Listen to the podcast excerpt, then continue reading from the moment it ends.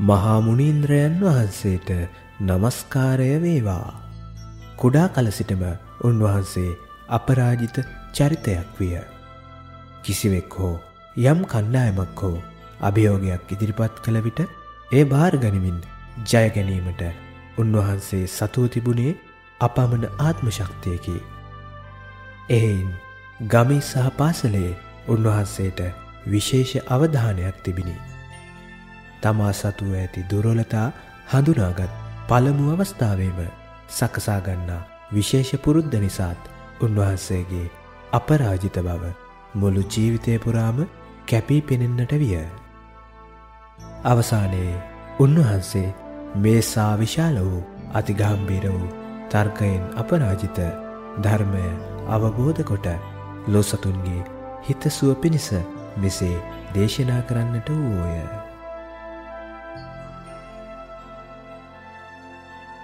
හැම කෙනෙක්ම සූදානම් වන්නේ සසරදුක නිවා සිතස්ුව පත් කරන ලෝකෙ ඉතාම කලාතුරකින් ජීවමාන වන අවුරුදු දහස්ගානකින්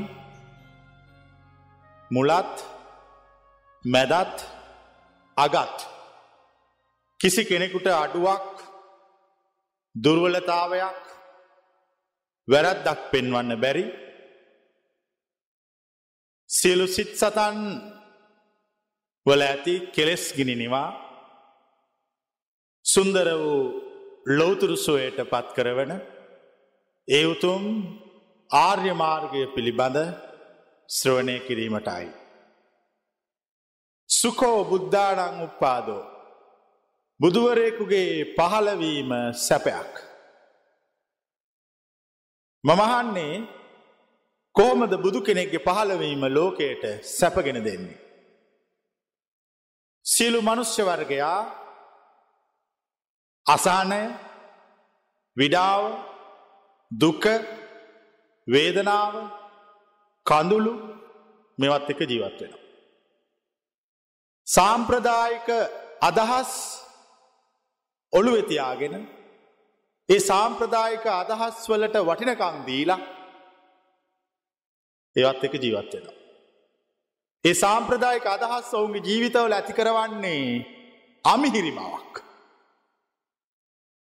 අමිහිරි බවක්. ඒ වුනාට ඔවුන්ට අලුතෙන් හිතන්ඩ කෙනෙක් නැහැ කියා දෙන්න. ලෝකෙට කෙනෙක් අලුතෙන් හිතන්න කියල දෙනවන අන්න එයා තමයි බුදු හාමුදුරුව. ලෝකෙට කෙනෙක් ඇවිල්ලා මුණු මනුෂ්‍ය වර්ගයාගේම සිත්වල තිබෙන කෙලෙස්කිනි නිවනවන සිත්සුව පත් කරනවන මුණු මනුෂ්‍ය වර්ගයාගේ යහපත පිණිස ජීවමාන වන ඒකම උතුමා තමයි බුදු හාමුදුරුව එච්චර. අපිත් මේ සාම්ප්‍රදායක පටු ලෝකයේ තුළ කලක් ජීවත් වුණ මේ අපි අමෝම මේ දේශනාවාන ඔක්කොමය. හැබැ අපි ලෝකෙ තිබිච දේවල් දැක්කා. අපි ඒ වුණට එවක් කලා බොහෝ දේවල් කළේ කැමැත්තෙන් නෙවේ. නමුත් අකමැත්තෙන් කලාට අපට ප්‍රශ්නයක් වුණේ අපට කැමැත්තෙන් කරන එකක් නෑ. අපිට දැන් අපි කරන දේ හරිද වැරදිද කියලා විනිශ්චය කරන්න විනිශ්්‍ය සභාවක් නිර්මාණය වෙන. ධර්ම සභාවක් විවෘත කල්ලා. දැන් ඕන කෙනෙකුට එන්න පුළුවන් ධර්ම විනිශ්චය කරන්න පුළුවන් මේක හරිද මේක වැරදිද මේක යහපත්ද මේක යහපත් නැද්ද. මෙය නිවනට මගද නොමගද. මේ පාපයට මගද නොමගද. කුසලය මේද අකුසලය මේද. පින මෙයද පවමයද මේ හොඳද මේ නරකද. දේ ධර්ම සභාව නිර්මාණය කරලා අවසාන. අදය නිලවසයෙන් දැනුම් දුන්න. තේරෙන භාෂාවෙන් කිව්වොත් ස්ටේජ් එක හදල ඉවරයි. අපි දන්න ස්ටේජ් එකක් හැදවාම ඊට පස්ස තියෙනෙ මොකක්ද නාට්‍යයක් පෙන්න්නනම් ස්ටේජ් එක හැදුව ඊට පස්ස තියෙන නාට්‍ය රඟ දක්වන්න. ස්ටේජ් එක හදල දැම්මං ස්ටේජ්කට වෙලා ඉන්නවා තාම නළුවෝ පේන්න නෑ කවුරුවත්. ඒ ධර්ම සභාවේ ධර්ම විනිශ්චය කරන්න.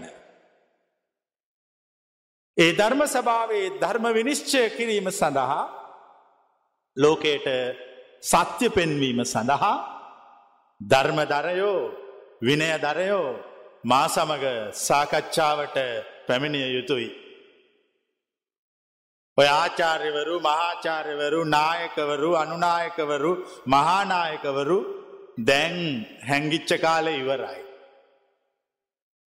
කෙනෙක් ජීවිතාසාාව නැති කල්ලා රහත් බවට පත්වනොත් ඒ රහත් බවට පත්වෙච්ච උතුමාට ජීවිතය පිළිබඳ තේරෙන්නේ. කෙටියෙන් කිව්වොත් මරණය ගැන තේරෙන්නේ. ලෝකෙ සිංහයේ දැක්කට බයවෙන්න එපා. භයානක කුලප්පු වෙච්ච අලියෙක් දැක්කට තනියෙක් දැක්කට තනි අලියෙක් දැක්කට බයවෙන්ඩ එපා. ඒත් ජීවිතාසාාව නැති කළ රහත් උතුමෙක් දැක්කොත් බියවන්න. මක් නිසාද. දෙවැනි ප්‍රතිප්‍රහාරය පිළිබඳව නොසලකා රිජුව ප්‍රහාරෙල්ල කරනවා. මකිනව තේරෙනවාද. එය අරහත් උතුමෙක්. ජීවිතාසාවත් තේරෙන්නේ. සංග්‍රාම භූමියයට ගහාම හැමදාම සංග්‍රාමයේ දිනන්නේ ජීවිතාසාව නැති වීරයක්.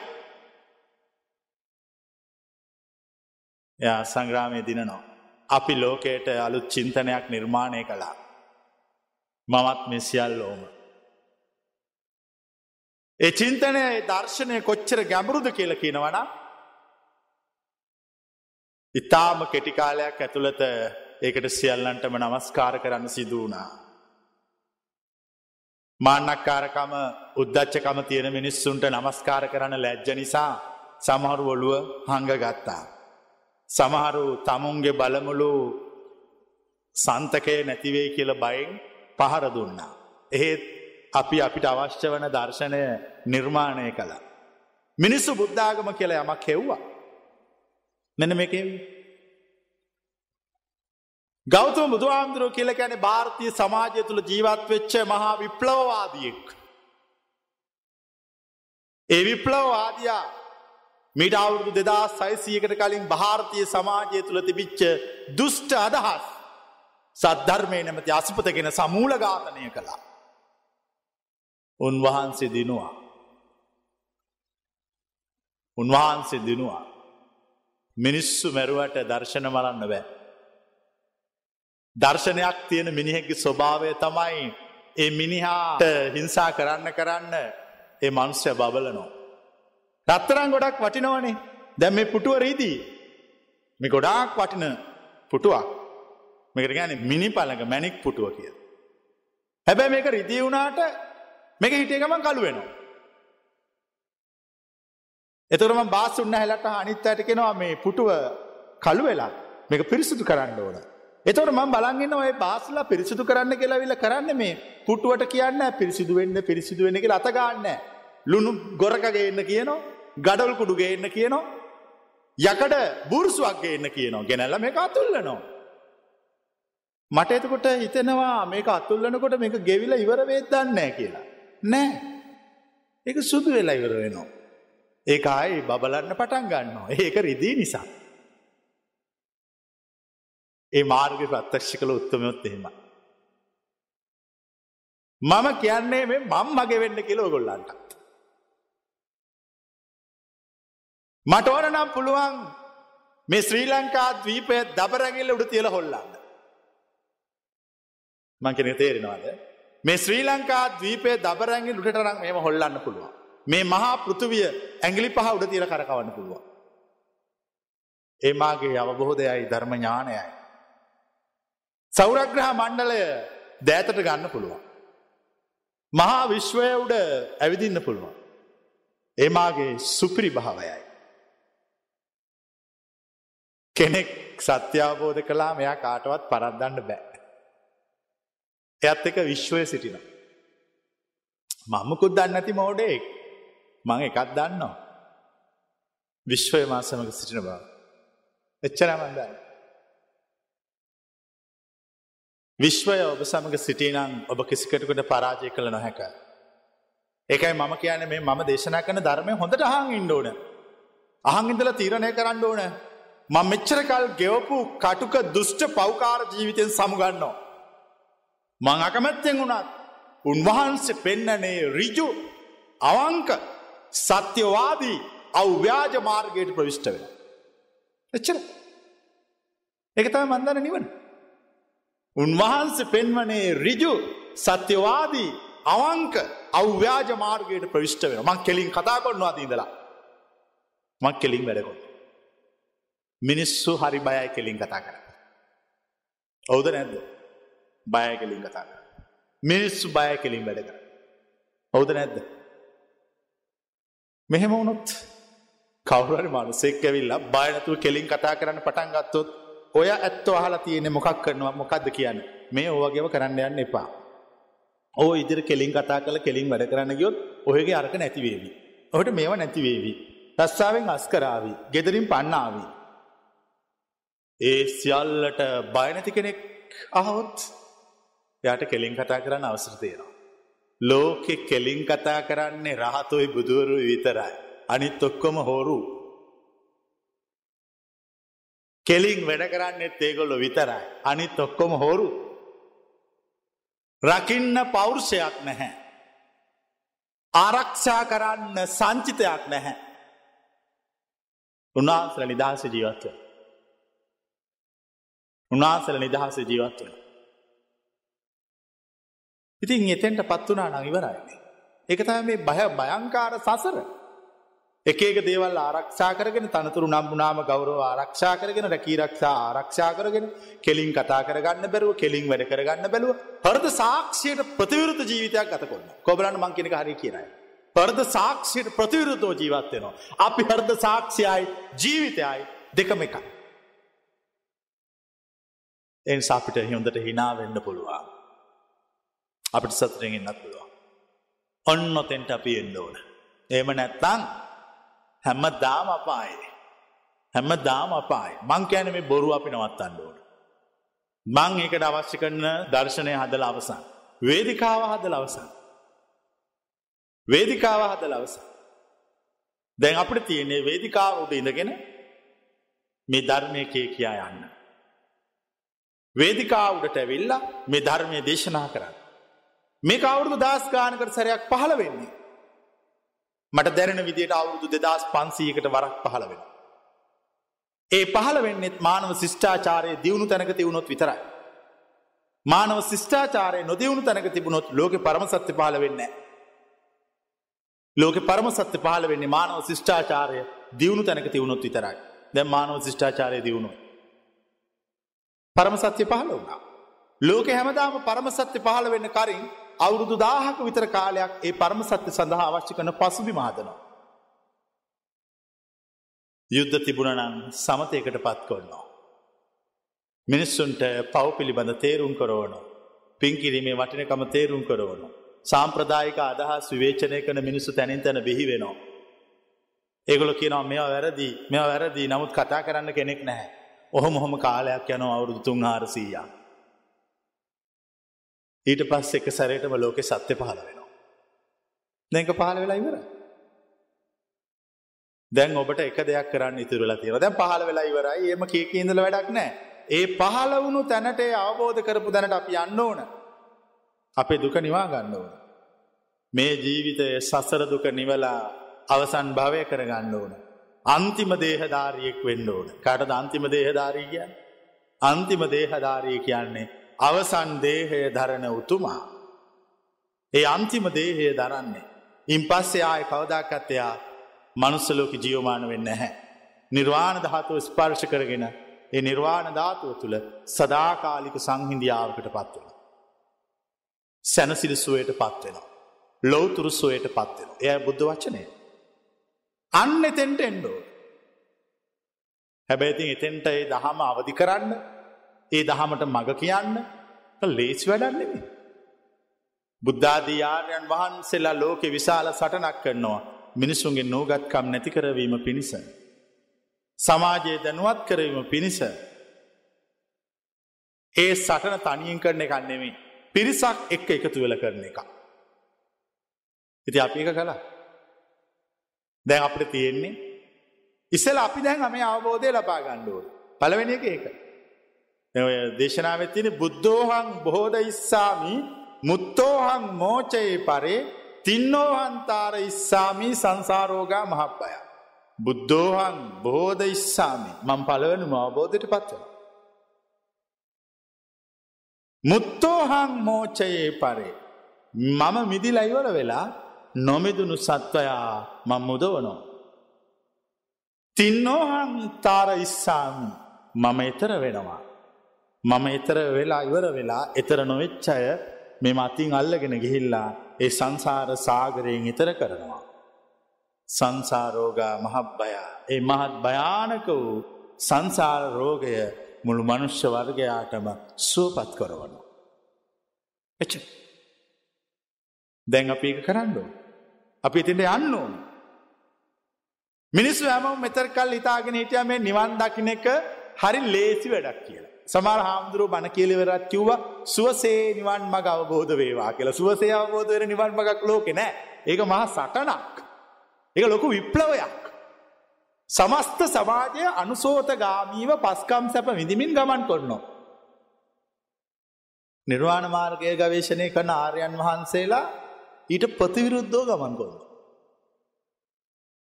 සමස්ත සමාජය හොඳ හමින් ගමන් කොන්නවා. නිර්වාණ ධාතු අවබෝධ කරගන්න උතුමන් වහන්සේලා බැනුම් අහමින් ගමන් කොන්න එක දෙ පැත්‍රතිය. එච්චරයි. සමාජ සම්මතය තුළ හොඳාගෙන ඉන්න එක ලේසි.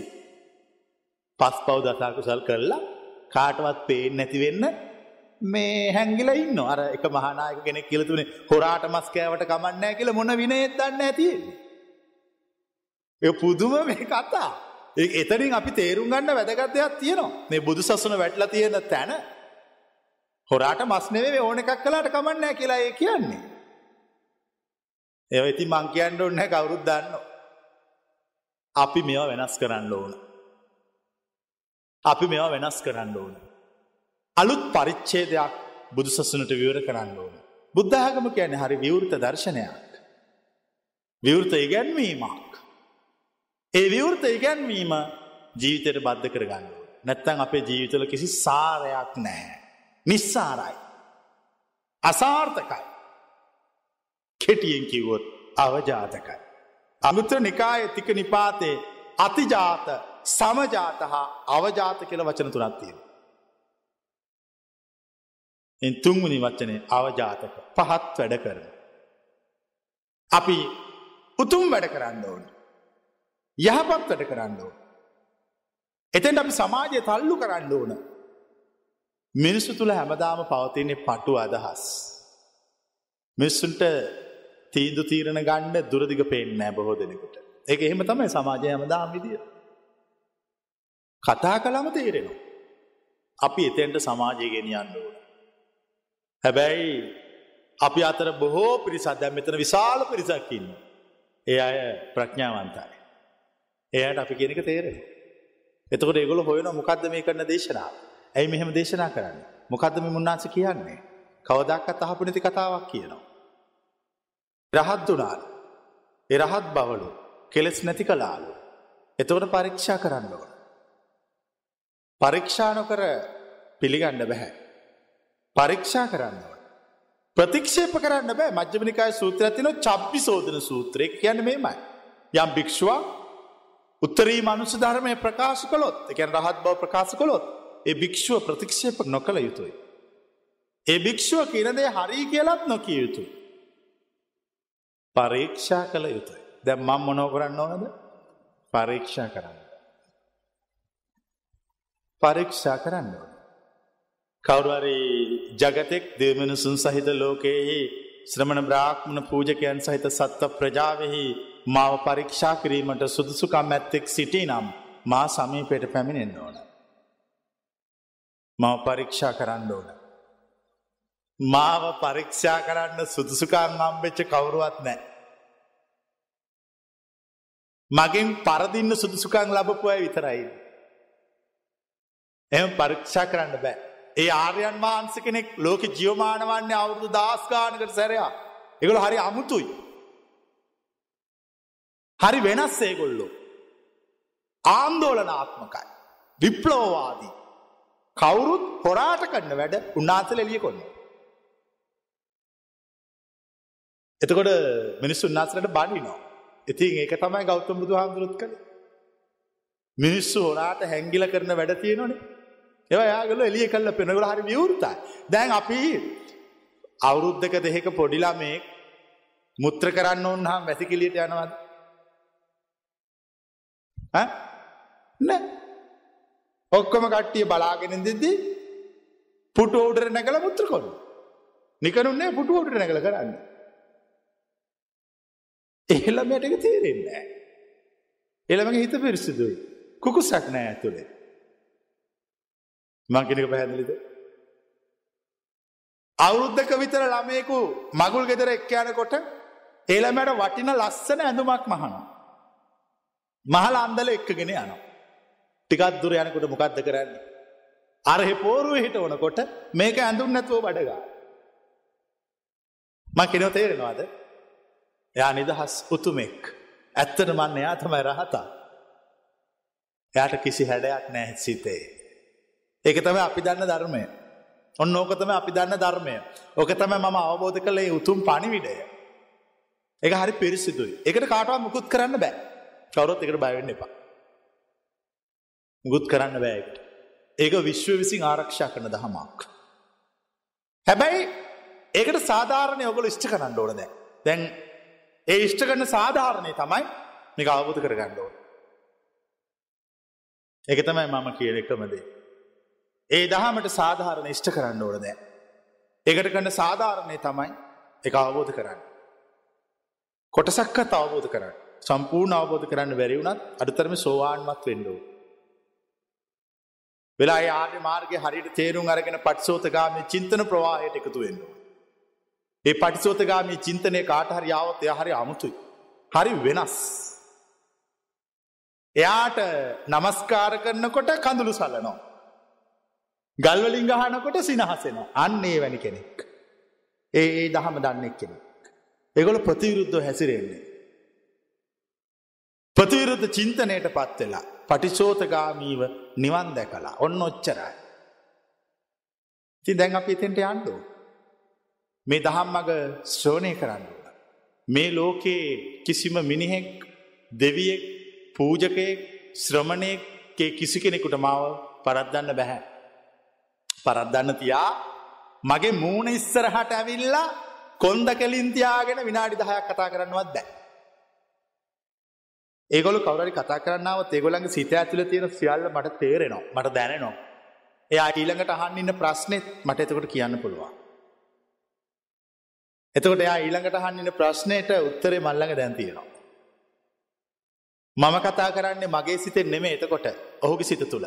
ඔබට මං කියනව තේරෙන්නේ නැහැ. මම කතා කරන්නේ මා සිත තුල නොව ඔහු සිත තුල. ඔහුගේ සිත තුල ඔහු එළියට දාන කොටස නෙමෙයි ඒකේ අනිත් පැත්ත. ඔහු ඔහු තුළින් පරදිනවා ඇරෙන්ඩ ඔහු මාතුලින් පරදින්නේ. මකිපක තේරුණාද ඔහු ඔහු තුළින් පරදිනවා ඇරෙන්න්න ඔහු මාතුලින් පරදින්නේ. මේ හරි අමුතු දහම්. ඒකයි ලෝකයේ මේ දහම පහළ වෙච්ච කිසි කෙනෙකුට මුකුත් කරන්න බැරි. අපි අහලා තියෙනවා දීපංකර බුදුහාමුදුරන්ගේ පන්සල් ගිනි තිබ්බා. කකුසඳ බුදුහාමුදුරන්ගේ පන්සල් ගිනි තිබ්බා. පුස්ස බුදු හාමුදුරන්ගේ දාන ශාලාවල් ගිනි තිබ්බා එවාලන ති අද එච්චර දරනු නෑන මිනිස්සු. එනිසා අපි සන්තොස් වෙන්න ඕන.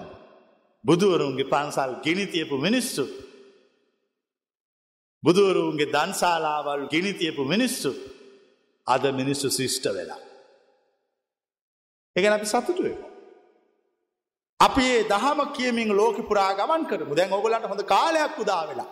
මෙච්චරකල් මංහිතන්නේ බොහෝ දෙනෙකුට රස්සාාවක් තිබුන්නේ. ඔය කරපු රස්සාවල් කරේ හරද සාක්ෂයට එකඟව නෙවේ. ජීවත්වෙන්ට කරකයා ගන්න දෙයක් නැති නිසා. මං කෙනව හරිද වැරදිද. අත උත්සල කියන්න හරි හරි. අපි ඒව කළේ ජීවත්වෙන්න ක්‍රමයක් නැති නිසා මිසක් මේ හදවතට එකඟව නෙවෙයි. ඔබහන්සේ අපිට මුකුත් ඕන්නෑ අපිට හදවතට එකඟව කරන්න රස්සාාවක් හොයල දුන්නා. ගදේ රස්සාාව. ගෙන්ගෙට කන්දෙන් කන්දට ගමෙන් ගමට කිසිවෙකුට පරත්දන්න බැරි අපරාජිත වූ දර්ශනයක් අපිට දිගැන්නවා. ඒ අපරාජ දර්ශනය කිය කිය අපි දැන් ගමන් කොන්නවා. අපි දිනුන් දැන්. දර්ශනය මරන්න බෑ මිනිස්සු මැරුවට. අපි දිනල ඉවරයි. ඒ දර්ශනය අපි සමාජගත කරන්න ඕන. ලෝකයේ දර්ශනයක් සමාජගත කරන්න විදියක් තියෙනවා. දර්ශනයක් සමාජගත කරන්නේ තියෙන සම්ප්‍රදායක මෝඩ අදහස්වලට ප්‍රතිවිරුද්ධව හැසිරීම. ඒක ඔගොල්ලන්ට තේරෙන්නේ නැත්නම් මට තේරෙනවා. දර්ශනයක් සමාජගත කරන්නේ සමාජය තුළ තියෙන මෝඩ අදහස්වලට ප්‍රතිවිරුද්ධව හැසිරීම. මිනිස්සු සමාජය තුළ තියෙන මෝඩ අදහස් සමාජ සම්මතය සම්මත කරලා තියෙනවා. එතකොට අර සත්‍ය අවබෝධ කළයි කියන රහත් උනායි බුදු උනායි කියන උත්තරමය ඇවිල්ලා අර සමාජ සම්මතයේ තියෙන මෝඩ අදහස් වලට පයින් ගහනවා. ඒවට පයින් ගහනකොට අර ඒවා ඉහලින් හිතාගෙන ඉන්න මිනිස්සු ඒ තුමට නිඳා කරනවා. එතකොට සමාජය තුළ කතිකාවතක් නිර්මාණය වෙනවා. දෙගොල්ලෝ කතා කරන්න පටන් ගන්නවා. කට්ටියක් කියනවා එක හරි කියලා කට්ටියක් කියන එක වැරදි කියලා. අන්න ඒක තමයි සමාජ සෝදනය. අවුරුදු 10ක් 15ක් ගියාම ඒවා අලුත් සංස්කෘතිය, අලුත් සමාජය යහපාලනය කියලා සම්මත වෙනවා. එච්චර. ඔච්චර වෙන්නේ. මීට අවුරුදු 2500කට කලින් උනේත් ඕක. මීට අවුරුදු 2500කට කලින් උනේත් ඒක දැන් වෙන්නෙත් ඒක. අපි ඒකට අවශ්‍ය කරන පසුබිම හදලා දෙන්න ඕනේ. ඒක අපේ යුතුයකම. මේ ස්ථානයට පැමිණෙන සියලු දෙනාටම දැන් ලොකු කාර්යයක් පැවරෙනවා. පළවෙනි එක තමුන් අවබෝධ කර ගැනීම. තමුන්ගේ මේ තාක් යම්ම අඩුපාඩු දුරුවලකම් පැවතුනාන අරයගේ මේක උපදූ පොහොය හොය හිටියන අරයගේ මේ කුණු කන්දල් අවසවස හිටියනම් අද ඉඳලේ සියල්ල අතාරින්ඩුව. උන්වහන්සේ අද දේශනා කළා අපිට අවබෝධ කරන්නේ කියලා. උන්වහන්සේ දේශනා කළා මේ මාර්ගය පත්තක්ෂ කරගන්න කියලා. සසර දුක නිවාගෙන ඒ ලෝතුරු සුවයට පත්වීම සඳහා ඇති එකම මාවත මෙයයි. ඒ අරෙන්ඩ වෙන කිසිම ක්‍රමයකින් ඒ ලෝතුරු සුවයට පත්වෙන්න බැහැ. ඒ සඳහා ඔබ වෑයම් කළ යුතු. ඒ වගේම ඒ අවබෝධය මනුෂ්‍යවර්ගයාගේ යහපත පිණිස දේශනා කරමින් ගමන් කළ යුතු ඒ සුභාරංචි පණිවිඩය. ඒ නව ජීවනයට පත්වන ප්‍රතිපදාව ඒ ආර්ය විනය ඒ ආර්ජාතිී පහළ වෙන ක්‍රමවේදය අලුතෙන් අපි සජ්්‍යායනා කරන්න කාලය ඇවිල්ලා. අපි එක දැන් කරන්න ඕන අපට කිසි අභයෝගයක් නැහැ. මොකද අපිට හොඳ දර්ශනයක් තියෙන. හොඳ දර්ශනයක් තියෙන කිසි කෙනෙක් කවදාකත් පරද්දන්න බෑ. එගොලු සදාකාලික ජීවමානයි. එනිසා අපි ටිකෙන් ටික ටිකෙන් ටික අපේ හිත හදන වැඩ පිළිවෙලට දැන් එකතු වෙන්න ඕන. මොනවාද මේ දේශනා මං කොහොමද මෙහි අවසාන විමුක්තිය සාක්ෂාත් කරගන්නේ මං කොහොමද මගේ හිත පෙරලගන්නේ අනිත් පැත්තට. මේ සම්ප්‍රදායක ඉපදීමට මරණයට ජරාවට මූුණදීලා ඒක තුළ දුවන්න වෑයන් කරන මගේ හිත කොහොම දෙකෙන් මං කඩන්නේ. උච්චරයි කල්පනා කරන්න. ඒකට මොකක්ද මාර්ගය. ඇයිමට මිනිස්සු බයිනකොට හිනාවෙන්න බැරි. හොඳ කියනකොට අඩන්න බැරි. ඇයිමට දුකක් ආහම නටන්න බැරි. මං කෙඩව තේරෙනවාද. එච්චර. අන්න එහෙ මුණා නම් ඔබට මං කියන දේ තේරෙනවා. එතකොට හිත පිරිසුදුයි. ඒක තමයි ගැලවීමේ පණිවිඩය. ගැලවීමේ පණිවිඩය ලෝකයට කියන්නේ ගැලවුම් කාරයෙක්. ගැලවුම් කාරයෙක් පහළ වෙලා.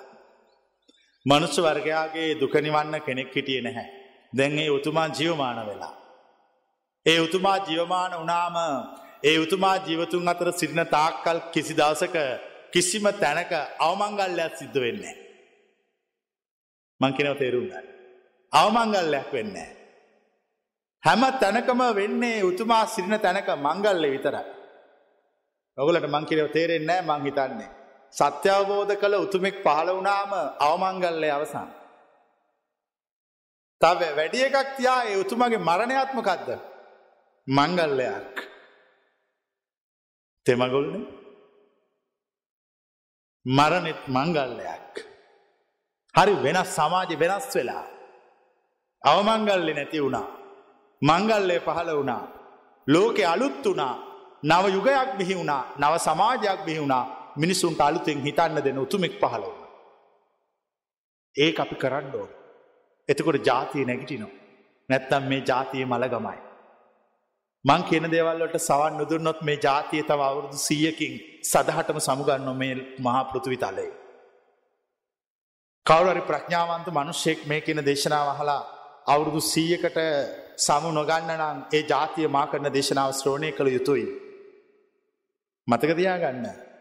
තල්ගහ ඇදිල හැදිලා අන්තිවරමගත් හැදෙන් තල් මල පිපෙන. තල මල පිපින.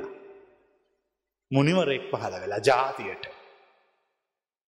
එක පිළිගන්න වෙන. එතරිදල අලුත්තුකයක් ආරම්භ කල්ලේ නව අදහත් වලට කන්දීලා සාම්ප්‍රදායක පටු චින්තන ඉවත් කරලා දහම හරියට තේරුම් අරගෙන සද්ධර්මය ගැඹුරු තැන් අධ්‍යනය කල්ලා ජීවිතයට එකතුනොත් ඔබ භාග්‍යවන්තයි. නැත අවාසනාවන්තයි. එන්ස අපි අප හිතට ගණ්ඩෝන ජීවිතය වෙනස් කරගන්න දැ මෙතෙක් කලත් තිවුණනම් මොනහරි අඩුපාඩු දැන් අදෙන්දලේ හදා ගන්න ඕන අපි සමාරය දකිනො ඒ අය හොඳට මේ දහම හලා හිත පිරිසිදු කරගෙන ජීවත්වෙනවා. හැබැටික දවසක් ගියාම එගොලගේ හිත හිර වෙන වගේ වෙනවායි. කොබලනය වෙන ඇතුස. ඔබගේ සිත තුළ තවම කෙලෙස් පවතින බවට සාක්ෂි ස්වබාදහමකුට නිකුත් කොන්නවා.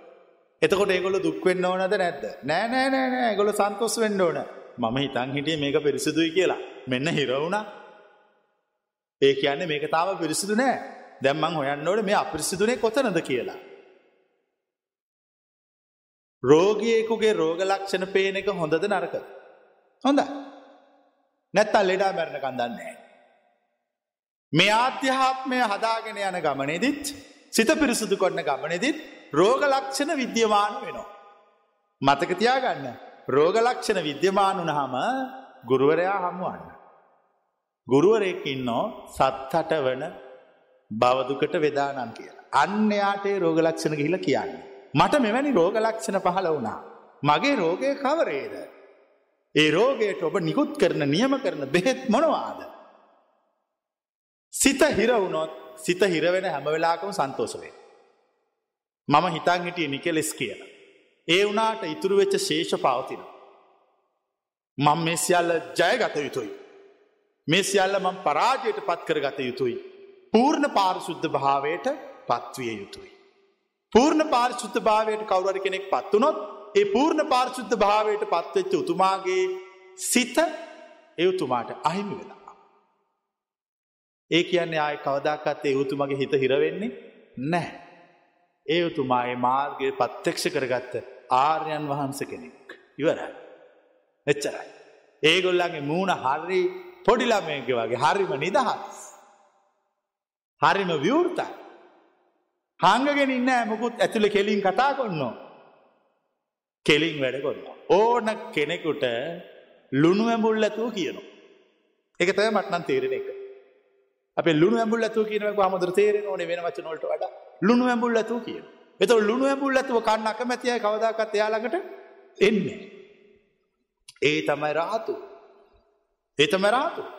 ඒ තමයි මාර්ගය අවබෝධ කළ උතුමයි. එගොලු හරි විවෘතයි දෙකක් නෑ. සූත්‍රත්තිරෝ මච්චම නිකායේ සල්ලේක සූත්‍රය කියලා. සල්ලේක සූත්‍රය ගෞතම බුදු ආමුදුරු දේශනා කනු ශල්ල කිරීම ගැන. ශල්ල කිරීම කියන දැන් අපි කිවන මේ හිත පිරිසුදු කරන්න ඕන කියලා හිරවෙනකොට තේරුම් ගන්න අන්න එක තමයි ශල්ල කරනවා කියලා කියන්නේ. ඒ ශල්්‍ය කරන එක පළවෙනි ශල්ල කිරීම තමයි ශල්ල කර්මය තමයි යුගග්‍රාහි බව අයින් කිරීම යුගග්‍රාහි බව කියන මේ දෙකක් කරන එක. එකක් මූුණට ගන්නවා තව එකක් හැංගිල ගොන්නවා. යුගග්‍රාහි බව තියෙනං එයා සිත ශල්ල කරපු භික්ෂුවක් නෙවේ. එය බෞද්ධයෙක් නෙවේ. අන්‍ය ආගමිකයෙක්. එකක් කියල තව එකක් ඔන්නවන එය අන්‍ය ආගමිකේ. බුද්ධ ශ්‍රාවකයෙක් කියල කියන්නේ සල්ලේක සූත්‍රයේ ආකාරයට යුගග්‍රාහි බව දෙකක් කරන්න එකක් කොන්න. අව්‍යාජ වෙනවා අවංක වෙන. ආන්‍යයා සිතට ශල්්‍ය කර්ම කල්ලා සිත පිරිසිදු කර ගැනීමට වෑයම් කරන්නෙක්. අපි අපේ ජීවිතය ඇත්ත හොයාගෙන අන්න ඕන. යථාර්ථය හොයාගෙන යන්න ඕන. මෙතෙක්කල් සමාජය මුළු බොරුවකින් දැක්කුවා. ඒ බොරුවට එකතු කල්ලා තල්ලු කරා ඒ බොරුව තුළ සමාජය ගමන් කලා අපි ඒ බොරුව දැක්කා. අපට ඒ බොරුව ගැන ඇති වුණේ කල කිරීමක්. එතකොට අපිට ආ ඉපදින එක එපා වුණා. ඉටි පස්සේකින් ගැලවෙන්න හිතුනා. ඒ ගැලවීමට අපි මාර්ගයක් සෙව්වා. අපි ඒ මාර්ගය හොයා ගත්තා. ඒ තමයි බුද්ධාදී ආරයන් වහන්සේලා ලෝකයට පෙන්වා වදාළ පටිසෝතගාමි ආර්ය මාර්ගය. දැන් අපි ඒ මාර්ගයේ ගමන් කරමින් සිටිනවා. අපි බලාපොරොත්තු වෙනව යම් දවසකේ මග අවසන් කරන්න. ඒ මග අවසන් කරන්න කලින් පරිපූර්ණ ලෙස අවසන් කරන්න. පරිපූර්ණ ලෙස අවසන් කරන්න යන ගමනේදී මාර්ගයේදී හිත හිරවෙන්න ඕන. හිත කොටු වෙන්න ඕන. සමහර වෙලාවට ආර්ය මාර්ගයේ එපා වෙන්නත් ඕන. ඕන වෙන්නත් ඕන. සමහර වෙලාවට මෙහෙම හිතෙන්නත් ඕන මේවා ඔක්කොම අතහැරලා දාලා මං කලින්මගේ ජීවත් වෙනවා කියලා. එහෙම හිතෙන්නත් ඕන. කාට හරි එහෙම හිතෙන්නේ නැත්තම් එයා මං කියපු මගේ යන්නෙක් නෙමෙයි. බොරු කෘතිම නිකන් කවදාකවත් සාක්ෂාත් කරන්න බැරි අවබෝධ කරන්න බැරි බොරු නිවන් මඟක් සොයන්නේ. මේ සියල්ල හිතෙන්න ඕන. මේ සියල්ල හිතුණත් ඒ හිතන සිතුවිලි වලට වටිනකමක් තමුන්ගේ ආධ්‍යාත්මය තුළ නොවෙන්න ඕන. තවත් චින්තන පමණයි. සිතුවිලි මාත්‍ර පමණයි. ඒ සිතුවිලි මාත්‍රවලට වටිනකමක් දුන්නොත් තමයි අතපය හසුරුවන්න වෙන්නේ. ඒ සිතුවිලි මාත්‍රවලට වටිනකමක් දුන්නොත් තමයි වචන වෙලා කටෙන් එළියට එන්නේ. මම මෙච්චර කාල දාඩිය දාගෙන මහන්සි වුණේ මට ඇතිවෙච්ච සිතුවිලි වලට වටිනකමක් දීලා වැඩ කරපු නිසා. මට මෙච්චර කාල මේ සියල්ලට මූණ දෙන්න උනේ මට ඇතිවෙච්ච සිතුවිලි වචන කල්ලා කියපු නිසා. මම මාගේ සිතුවිලි කෙරෙහි ඇති බැඳීම අතහැරලා දානවා. සිතුවිලිවලට සිත තුළ පවතින්න ඉඩ දෙනවා බැඳීමකින් තොරව.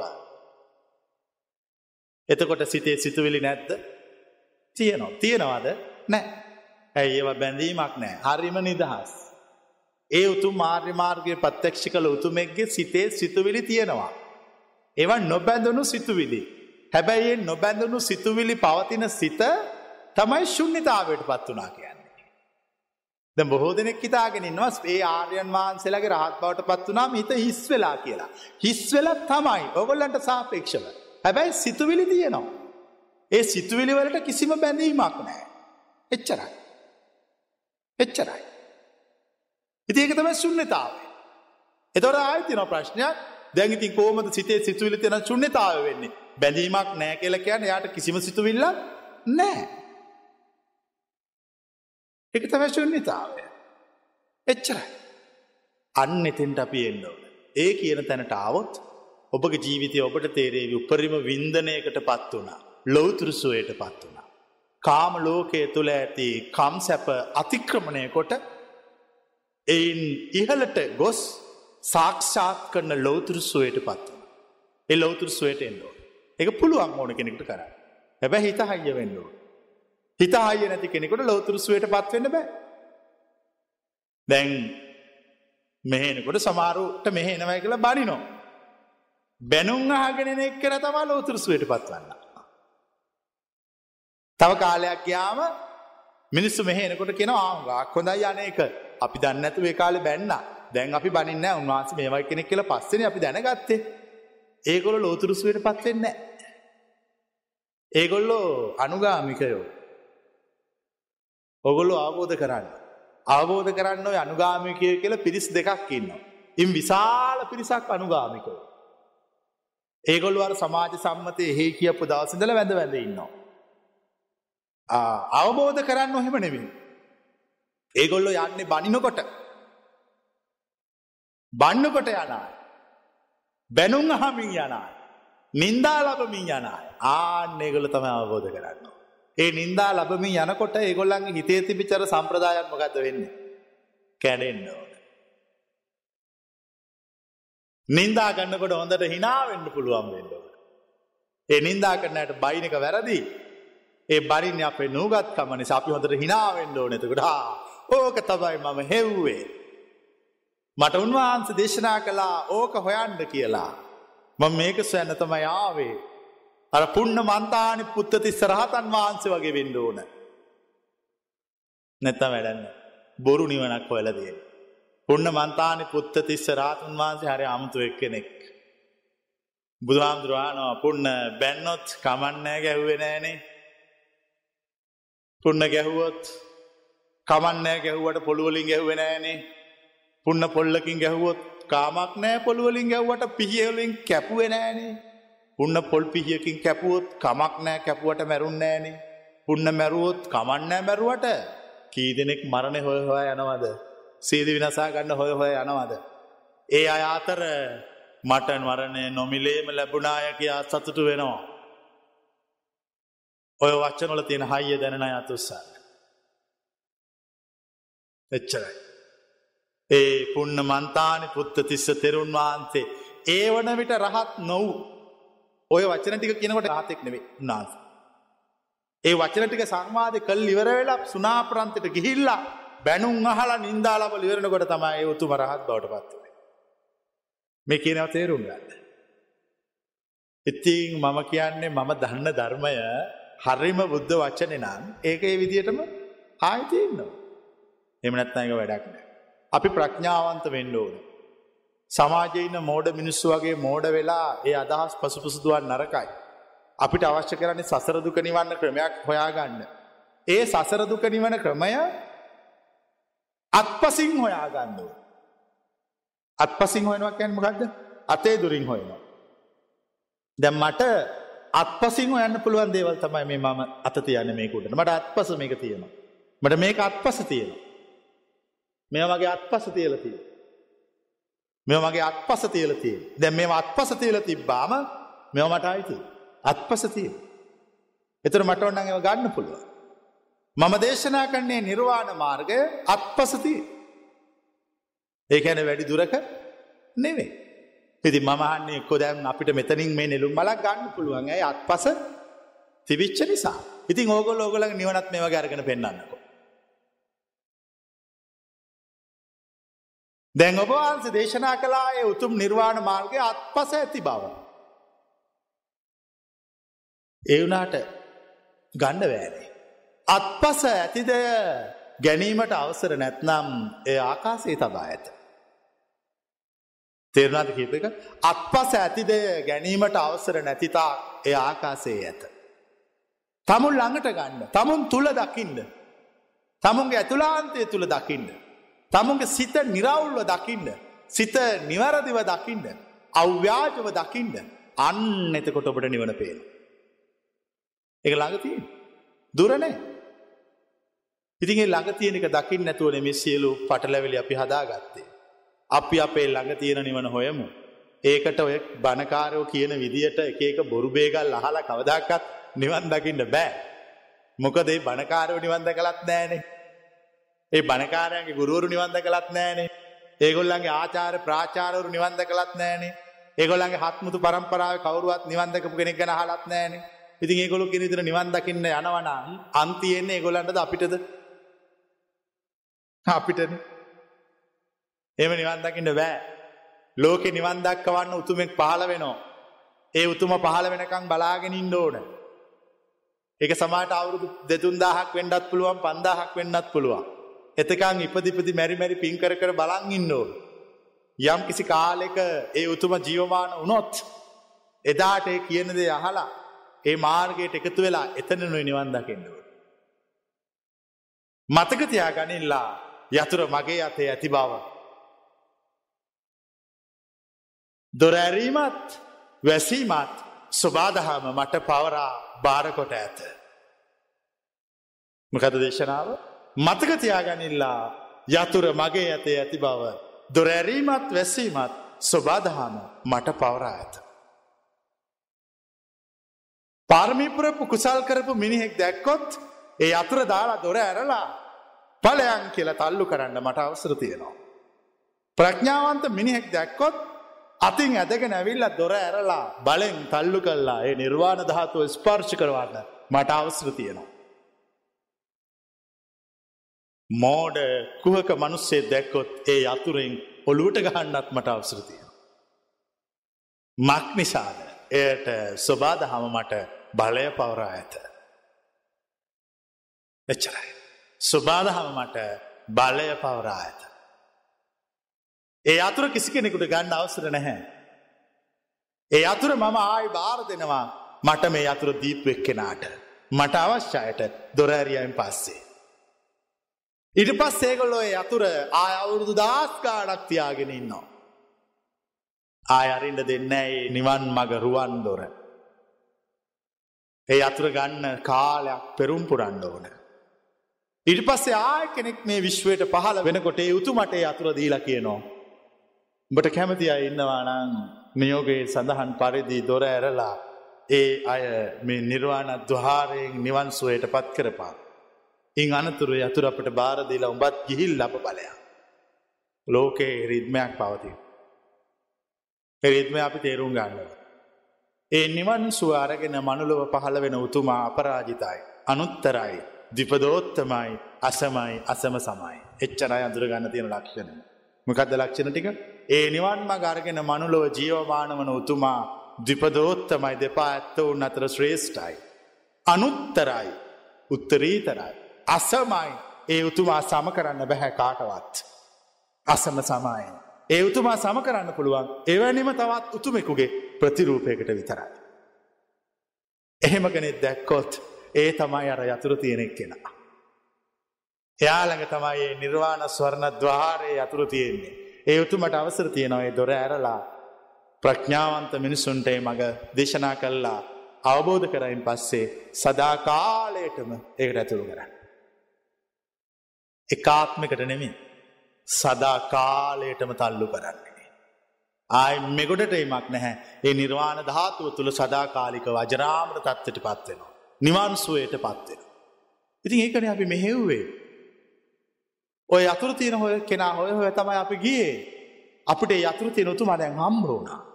දැන් වෙලාවයි මට කියලා දොර ඇරව ගන්න. කෙනෙකුට දොර ඇරව ගන්න ඕන නම් මට කියලා මුලින්ම මට නමස්කාර කොට අවසර ගත යුතුයි. අපි ඔබට නමස්කාර කරමි ගෞරව කරමි ඔබේ වචනයට සවන් දෙමි අනුගත වෙමි පිළිගනිමි පිළිගන්නා බවට ප්‍රතිඥා කරමි. අප කරෙහි අනුකම්පාවෙන් දොරාරින සේක්වා. ඔවුන් දෙස බලා ප්‍රඥාවන්තයන් දුටු විට ඔවුන්ට දොරෑරීම තමයි සත්‍යාවබෝධ කළ කෙනගේ ස්වභාවයි. කෙරෙකුට මේ වහනකොට ඉතන්න පුළ මොනවද මේ මෙයා කියවන්නේ. ඒ තමයි අකුරු නැති පොතේ තියෙනේවා. ඔය කියපුටික තියෙන්නේ අකුරු නැති පොතේ. අකුරු නැති පොත තමයි මේ. මේ විශ්වය තුළ පවතිනවා විශ්ව ඥානය. විශ්වඥානය ගොඩක් දෙවල් තියෙනවා. කවුරුහරි කෙනෙක් මේ මොලය ඉවත් කල්ල දාලා හදවත අවධි කල්ලා විශ්වත් එක එකතුරයින් පස්සේ ඒ උතුමා මහා ශිවදවියන් වගේ. මහා ශිවදවිය දැකලති ඒ උතුමා ඒ සත්‍යාවබෝධ කළ උතුමා හරි වෙනස්. එය සියල්ල දන්නෝ සියල්ල දකිනෝ. සියල්ල දන්න සියල්ල දකින උතුමා නිවන් අවබෝධ කරලා ඒ මාර්ගයට ඕනම කෙනෙක් පත් කරන්න පුළුවන් ප්‍රඥාව තියෙන. මාර්ගය වඩන. හිත හිරකරගන්න එකාටද මා දොරාරින්නේ හිත ඉහිල් කරගත් මිනිසාටද. මා සිත සිරකරගත් මිනිසාට දොරාරින්නේ. මක් නිසාද. සිත ඉහිල්වීම නොව මාසයන්නේ සිරවීමයි. මා දේශනා කරන මාර්ගයක් මා දේශනා කරන ප්‍රතිපදාවත් මා දේශනා කරන ගැලවීමත් සිරවීම තුළ පවතිී. ඉහිල්වීම තුළ පවතින දෙයතාව කාලිකයි. සිරවීම තුළ පවතින දෙය සදාකාලිකයි. වැස්සට කුඩයක් අරගෙන නොයන්න මක් නිසාද වැස්ස අවසන් වූ විට හකුලන්න සිදුවෙන නිසා. වැස්සට තෙමෙන්න නිදහසේ අව්වට වේලෙන්න නිදහසේ. එවැනි විවෘත අදහස් ඇති උතුම් මිනිසෙකු වන්න. වැස්සට කුඩයක් අරගෙන නොයන්න. වැස්සට තෙමෙන්න නිදහසේ. අව්වට වේලෙන්න නිදහසේ. මිනිස්සු බයයි වැස්සට තෙමෙන්න. මිනිස්සු බයයි අව්වට වේලෙන්න. මම බයනෑ. මම වැස්තර තෙමෙනවා අව්වට වේලෙනවා. හුළඟට වේලෙනවා. අන්නේ වගේ කෙනෙක් වෙන්න. හරි විවෘතයි හරි නිදහස් හරි අව්‍යාජයි කොටු වෙලනෑ බයනෑ මොහොකටවත්. මිනිස්සු ඇස්තට බයයි. එවැනි කෙනෙක් වුණෝතින් ඔබට මාදේශන මග මා පෙන්න්නන ප්‍රතිපත්ති මාර්ගය මාපනන යුතු මාර්ය මාර්ගය ඔබට වැටහෙවි නැත්තැන් කවදාකත් ඒ ආර්ය මාර්ගය වටහාගන්නේ නෑ. මෝඩ වැඩ කර කර ජීවත්වෙන. මල් පූජා කර කර ජීවත්වන පහම් පූජා කර කර ජීවත්වෙන අට පිරිකර පූජ කරනවා. ඔය මොන පූජාව කළත් නිවන් දකින්න ඔක්කොම බොරු වැඩ. ඒවා කළ යුතු වන්නේ නිවන් මඟ දන්න කෙනෙක් විතරයි. ඒ නිවන් මඟ දන්න උතුමා ආමිස පූජාව කරන්න හිත ඒ මාර්ගයට තල්ලු කිරීම සඳහා පමණ මෙව දන්නතුව කරන්න ගයොත් ලොකු අමාරුවක වැටෙනවා. අපි මේ සසුන තුළ ඒ මඟ පෙන්නවා. ඒ ආර්ය මාර්ගය දේශනා කළා. ඒ ආර්ය මාර්ගය තුළින් ලබන යම් සුවයක් සැනසිලිස්වයක් අවබෝධයක් ඇත්නම් වෙත්නම් ඒද පැහැදිලි කළා. දැන් ඔබට කාර්යක් තියෙනව ඉෂ්ට කරන්න. යතුරු තියෙන බව පෙන්නවා. හැබැයි දොර ඇරිය නැතා. දොර ඇරවා ගැනීමට අවශ්‍ය කෙනෙක් සිටී නම් සුදුසුකම් පෙන්වේ යුතුයි මායිදිරී. එතොට ඔොන්ඩ දොරාරය. එච්චර. ඒගොල්ලන්ගේ භවයක් අවසන් භවය වෙනවා. එගලටත් කියන්න පුළුවන් එතකොට. උන්වහන්සේ දේශනා කරපු මාර්ගය අපි අනුගමනය කොලා. උන්වහන්සයම් ප්‍රතිපදාවක් කිවනඟ අපි කළා. අප හිත හයිය වුණා. සියල්ලෙක් නිදහස් වුණා. නිකෙලෙස් වුණා. අපිත් උන්වහන්සේ වගේම මේ අන්තිම දේහය දරණය. එච්චර. කෙනෙක් සත්‍යාබෝධ කොළොත් ඒ උතුම තනියෙන් පිරිණිවෙන්නේ. ගෞතම බුදුහාමුදුරුව සත්‍යාබෝධ කලා මස පිටකේ කියවල තියෙනවා මාරය ළඟට ආවලු. එල්ල මෙහෙම කිව්වල. සිද්ධහාර්ථ ගෞතම දැන් තමුසේ සත්‍යාබෝධ කලා. හැබැයි ඔය රහස කිසි කෙනෙකුට කියන්න තමසට තහනා. තමසත් එක සටන් කල මොම් පැරදුනා. ඔය රහස කිසි කෙනෙකුට කියන්න නැතුව දැන් තමසේ මැරෙන්ඩ කිව්වා තුරමගද කිව්. මං මැරෙන්නෑ මං මැරෙන්න හැ. මං ආ ජියවමාන වෙන. මං අයි නැගිටිනෝ. නැගිට ලිවර වෙලා මා අවබෝධ කළ මේ පණිවිඩය ශ්‍රාවකයන්ට අවබෝධ කොල්නෝ. ප්‍රගුණ කරන්නෝ. උගන්නනෝ ඒගොල්ලොත් මා නොමැරණ තත්ත්වයට පත් කොන්න. නොමැරණ තත්ත්වයට පත් කල් ඉවරුණ හම පමණයි මාමය යන්නේ. එතකං මා මිය යන්න හැ. මං කියෙන තේරෙනවාද එතකම් මිය වන්ඩ බෑ. ඒ ශ්‍රාවකය අවබෝධ කරන්න ඕන. ඒ ශ්‍රාවකයෝ උතුන් දහම් පණිවිඩේ තේරුම් ගන්න ඕන පුරුදු කරන්න ඕනේ මාර්ගය වඩලා ප්‍රතිඥ්ඥා කරන්න ඕන මේ තමයි අපේ අවසන් භවය. මේ තමයි අපේ පශ්චිම දේහය අපි ආය මේ සංසාරය උපදින්න නැහැ.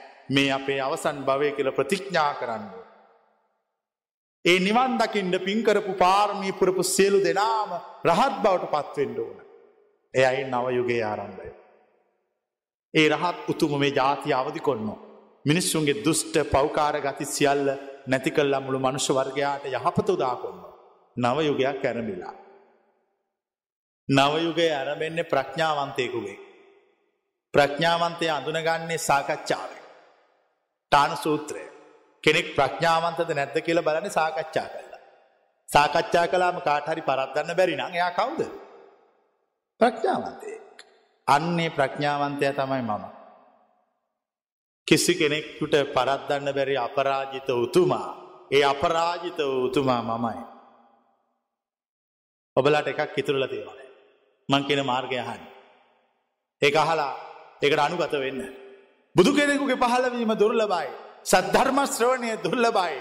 මිනිසත් බව ලබා ගැනීම දුර්ලබයි. මේ දුර්ලභ කරුණු එක තැනක පෙරුණොත් සියල්ල ධන සම්පත් අතහැරිය යුතුයි ඒ දුර්ලභ කාරණා තුන වෙනුවේ. තමුන්ගේ රැකයා තනතුරු සියල්ලේ දුර්ලභ කාරණා වෙනුවෙන් අතහැර දැමිය යුතුයි. මක්නිසාද නැවත මේ කරුණු තුන එකට ජීවමාන වෙන්න හැ. ආයවුරුදු තුන්හාරදාකට පන්දාහකට ලක්සකට විතර ඔය කරුණු තුන විසිරිලායන. අපි එක ජීවමාන කළා. ඒ කාටවත් නෑ කියන්න බෑ. එම නෑ කියන්න පුළුවන් මම නැති තැන. මම ඉන්න තැන කවරුවත් නෑ කියන්නේ නෙත් නෑ ඔවු කියන්නේ නෙත් නෑ මොකද පට ලැබෙන. ඒ ධර්මය පිළිබඳ සාකච්ඡා කල්ල මාව පරත්දන්න සමත් වූ කිසිවෙක් නැහැ. දෙව මිනිසුන් සහිත ලෝකයෙහි සවන ප්‍රාක්්මණ පූජකයන් සහිත සත්ත ප්‍රජාවෙහි මාව පැරදිවිය හැකි දෙවැනි කළ හැකි කිසිවෙකු නැතෝ. අපරාජිත වෙමි අනුත්තර වෙමි දිපදෝත්තම වෙමි අසහාය වෙමි අසම වෙමි අසම සමව.